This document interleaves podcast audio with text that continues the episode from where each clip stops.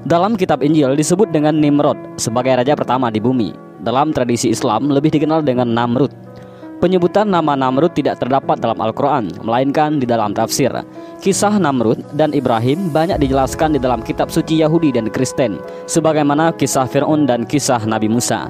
Namrud memerintahkan untuk membunuh seluruh anak-anak tanpa memandang jenis kelamin yang masih masa penyusuan. Hal itu berdasarkan ketakutan akan mimpi yang didapatkan bahwa akan ada anak yang dilahirkan dan menghalangi Namrud atas pengakuan dirinya menjadi Tuhan.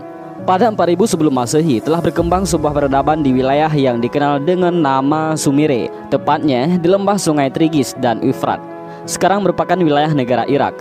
Terdapat juga nama lain dari Sumire yakni Mesopotamia, berasal dari bahasa Yunani yang berarti Mesos, tengah, Petamos, sungai. Di dalamnya terdiri berbagai bangsa yakni bangsa Amoria, Kanaan, Yahudi, Arab, dan Akkadia. Seiring berjalannya waktu, di wilayah tersebut terbagi menjadi beberapa kekuasaan kecil mewakili tiap bangsa dan kemudian bangsa Akkadialah yang berhasil menjadi satu kekuatan dominan atas bangsa lainnya.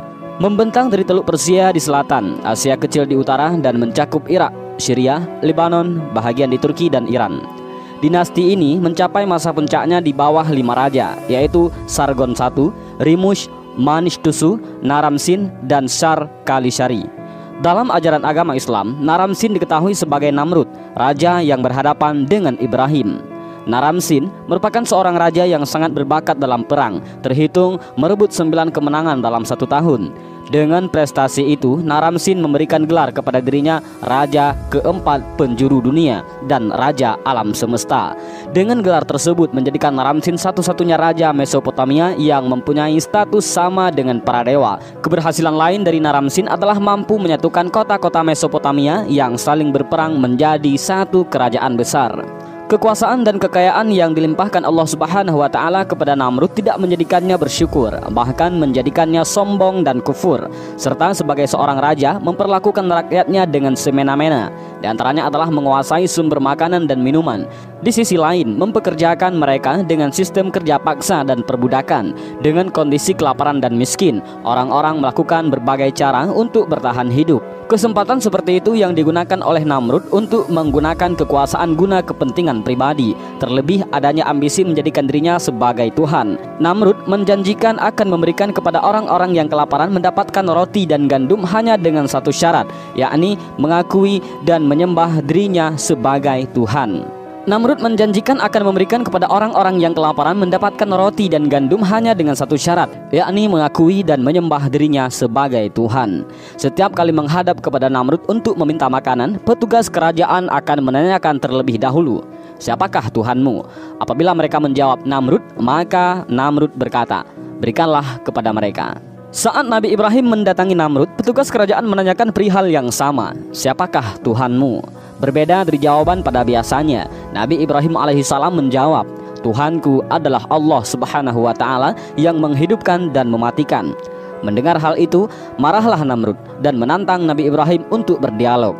Dalam surah Al-Baqarah ayat 258, apakah kamu tidak memperhatikan orang yang mendebat Ibrahim tentang Tuhannya, artinya Allah, karena Allah telah memberikan kepada orang itu pemerintahan, artinya kekuasaan. Al-Quran surah Al-Baqarah ayat 258 telah dianugerahkan bagi Namrud di dunia kekuasaan yang sangat besar. Walau demikian, di hadapan Allah Subhanahu wa taala, dia adalah makhluk yang tidak memiliki apa-apa. Asma al-Malik, Maha Merajai, hanyalah milik Allah Subhanahu wa taala. Sebenar-benarnya zat yang dijadikan oleh seluruh makhluk tempat meminta. Kekuasaan membutakan Namrud, menganggap diri dapat melakukan apa saja yang dia inginkan, hingga pada pemahaman tentang kehendak menghidupkan dan mematikan yang berada di tangannya. Dijelaskan dalam ayat yang sama ketika Ibrahim mengatakan, Tuhanku ialah yang menghidupkan dan mematikan, Orang itu berkata, "Saya dapat menghidupkan dan mematikan." Maksud dari jawaban Namrud bahwa ia mempunyai kemampuan untuk menghidupkan dan mematikan adalah dengan membiarkan seseorang hidup sebagai kemampuan menghidupkan dan membunuh seseorang sebagai kemampuan mematikan. Sedangkan perkataan Ibrahim dengan Allah Subhanahu wa taala dapat menghidupkan adalah menciptakan dari sesuatu yang tidak ada menjadi ada, seperti penciptaan makhluk hidup. Dari tunas pada tumbuhan atau sperma pada manusia berkembang dan kemudian ditiupkan roh. Berbeda dengan manusia yang hanya mampu untuk menciptakan sesuatu hal yang baru dari sesuatu yang telah ada, seperti membuat kursi, meja. Namun untuk bahan baku, yakni kayu, hanya Allah Subhanahu wa taala yang mampu untuk mewujudkan. Seperti bahan bakar berupa bensin, solar, namun untuk bahan baku yakni minyak bumi hanya Allah Subhanahu wa taala yang mampu untuk mewujudkan. Dan Allah Subhanahu wa taala dapat mematikan dengan menarik kembali roh dari jasad bukan membunuh seperti yang Namrud lakukan. Mendengar jawaban asal dari Namrud, Ibrahim tidak menghiraukan dan kemudian melanjutkan dengan pertanyaan yang lain. Sesungguhnya Allah menerbitkan matahari dari timur, maka terbitkanlah dia dari barat. Tidak ada tanggapan atau jawaban dari Namrud seperti pada pertanyaan pertama. Hal itu menandakan bahwa dia tidak mampu untuk melakukannya, bahkan mustahil. Di dalam ayat yang sama dijelaskan, Ibrahim berkata, "Sesungguhnya Allah menerbitkan matahari dari timur, maka terbitkanlah dia dari barat." Lalu terdiamlah orang kafir itu dan Allah tidak memberi petunjuk kepada orang-orang yang zalim. Al-Qur'an surah Al-Baqarah untuk membuat Namrud serta masyarakat menyembah hanya kepada Allah Subhanahu wa taala semata dan menyadari kesalahan mereka sebelumnya saat menyembah berhala, maka Ibrahim alaihissalam membuktikan dengan menghancurkan seluruh patung-patung di pusat peribadatan dan meninggalkan satu patung yang terbesar. Dalam firman-Nya, maka Ibrahim membuat berhala-berhala itu hancur berpotong-potong, kecuali yang terbesar dari patung-patung yang lain agar mereka kembali untuk bertanya kepadanya. Al-Qur'an surat Al-Anbiya Meninggalkan patung terbesar bukanlah tanpa alasan. Dengan harapan apabila mereka kemudian mendapati patung-patung sesembahan hancur Dan bertanya siapa yang melakukannya? Maka Ibrahim akan mempersilahkan mereka untuk bertanya kepada patung yang terbesar itu. Ibrahim menjawab Sebenarnya patung yang besar itulah yang melakukannya. Maka tanyakanlah kepada berhala itu Jika mereka dapat berbicara. Al-Quran Surah Al-Anbiya Sejak dari awal Namrud mengetahui bahwa kemungkinan siapa yang berani untuk menghancurkan patung-patung tersebut hanyalah Ibrahim. Hanya saja tidak mampu untuk menunjukkan bukti yang kuat. Sedangkan alat bukti berupa kapak tergantung pada leher patung terbesar yang tersisa. Maka terdapat dua pilihan. Mengakui bahwa benar patung terbesar yang telah menghancurkan patung-patung lainnya dan bersamaan dengan itu menolak akal pikiran bahwa itu sebenarnya tidaklah mungkin atau tidak mengakui bahwa patung terbesar yang telah menghancurkan patung-patung lainnya dikarenakan patung tidak mungkin untuk bergerak, bahkan merekalah yang telah membuatnya. Secara tidak langsung mengakui bahwa patung-patung sesembahan mereka tidaklah memberikan manfaat untuk sekedar membela dirinya saja tidaklah mampu. Dengan posisi terpojok atas fakta tersebut, Namrud tidak kemudian menjadi tersadarkan, melainkan menjadi marah dan bahkan memerintahkan untuk membakar Ibrahim sebagai hukuman atas apa yang telah dilakukannya. Perkataan Namrud bukanlah ancaman dan gertakan semata. Apabila telah ditentukan, maka pastilah akan dilaksanakan. Sama halnya dengan keputusan untuk membakar Ibrahim. Dan apabila kemudian dipikirkan kembali, membakar sesama manusia tidak mungkin dilakukan oleh orang yang masih memiliki hati nurani. Namun, ini tidak berlaku bagi Namrud yang telah hilang akal dan hati nuraninya, sehingga mampu untuk membakar manusia. Tercatat dalam firman-Nya, mereka berkata, "Bakarlah dia dan bantulah Tuhan-Tuhan kamu jika kamu benar-benar hendak bertindak." Al-Qur'an surah Al-Anbiya. Namrud beserta masyarakat menyaksikan prosesi hukuman Ibrahim, termasuk di antaranya adalah keluarga Namrud sendiri. Di sinilah kondisi ketika Allah menunjukkan kekuasaannya dan menyelamatkan Ibrahim dari kobaran api. Melihat sesuatu yang mustahil dialami oleh manusia biasa, masyarakat dengan perasaan yang takjub mulai meragukan kebenaran dari Namrud dan patung-patung berhala yang disembahnya. Sebahagian lainnya mulai mempercayai ajaran yang disampaikan oleh Ibrahim.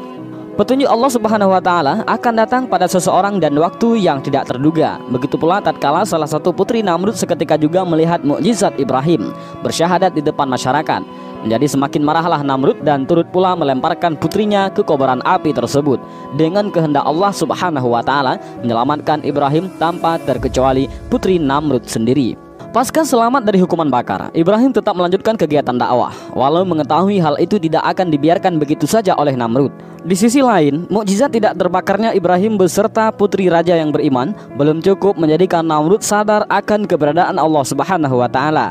Diketahui, Namrud adalah seorang raja dari kerajaan yang besar, mempunyai tentara sebanyak 700 ribu orang dengan persenjataan yang lengkap. Hal ini yang menjadikan Namrud merasa sangat berkuasa untuk menghalang-halangi jalan dakwah Ibrahim alaihissalam.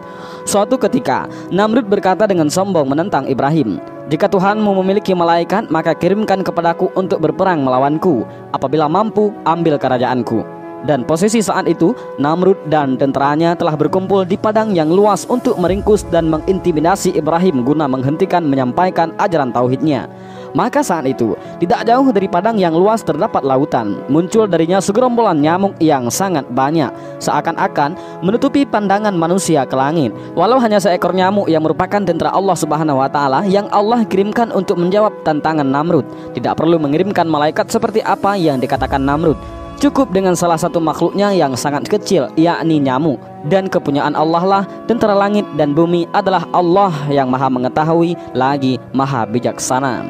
Dengan teratur, nyamuk beriringan menuju pasukan Namrud, menyerang dan menghisap seluruh darah tentara hingga mati lemas. Disisakan oleh Allah Subhanahu wa taala Namrud seorang untuk menunda siksaan baginya dan membiarkannya kembali ke istana diberikan waktu berpikir selama tiga hari untuk muhasabah. Hanya saja tidak mengalami perubahan pada dirinya. Maka Allah tuntaskan memberikan azab baginya dengan memerintahkan seekor nyamuk masuk ke dalam kepala Namrud selama 40 hari lamanya hingga Namrud meninggal dalam siksaan.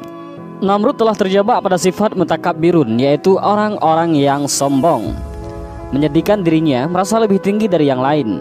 Banyak hal yang menyebabkan munculnya sifat sombong. Yang pertama karena ilmu, karena amal, karena garis keturunan, karena ketampanan dan kecantikan, karena harta kekayaan, karena kekuasaan dan karena banyaknya pengikut. Kesombongan Namrud disebabkan dari kekayaan dan kekuasaan yang dimilikinya, menjadikannya berbuat sewenang-wenang terhadap rakyatnya, atau disebut dengan sifat Jabbarun. Di antaranya adalah melakukan monopoli sumber makanan dan minuman oleh kerajaan.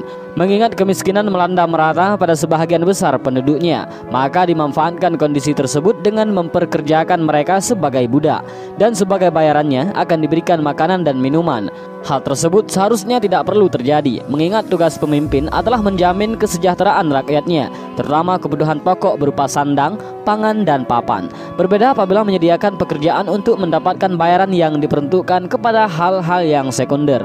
Sifat sombong pada diri Namrud sudah sangat melampaui batas. Kelebihan yang dimiliki berupa kekayaan dan kekuasaan membuat Namrud berpikir bahwa dirinya setara dengan Tuhan yang dapat berkehendak untuk mematikan dan menghidupkan.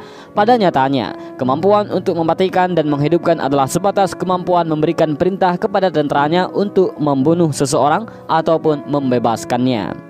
Dan inilah sedikit kisah tentang Namrud, raja yang paling berkuasa dan paling zalim di dunia ini. Mudah-mudahan dengan kisah singkat ini kita mendapat pelajaran yang berharga. Allahu a'lam Assalamualaikum warahmatullahi wabarakatuh.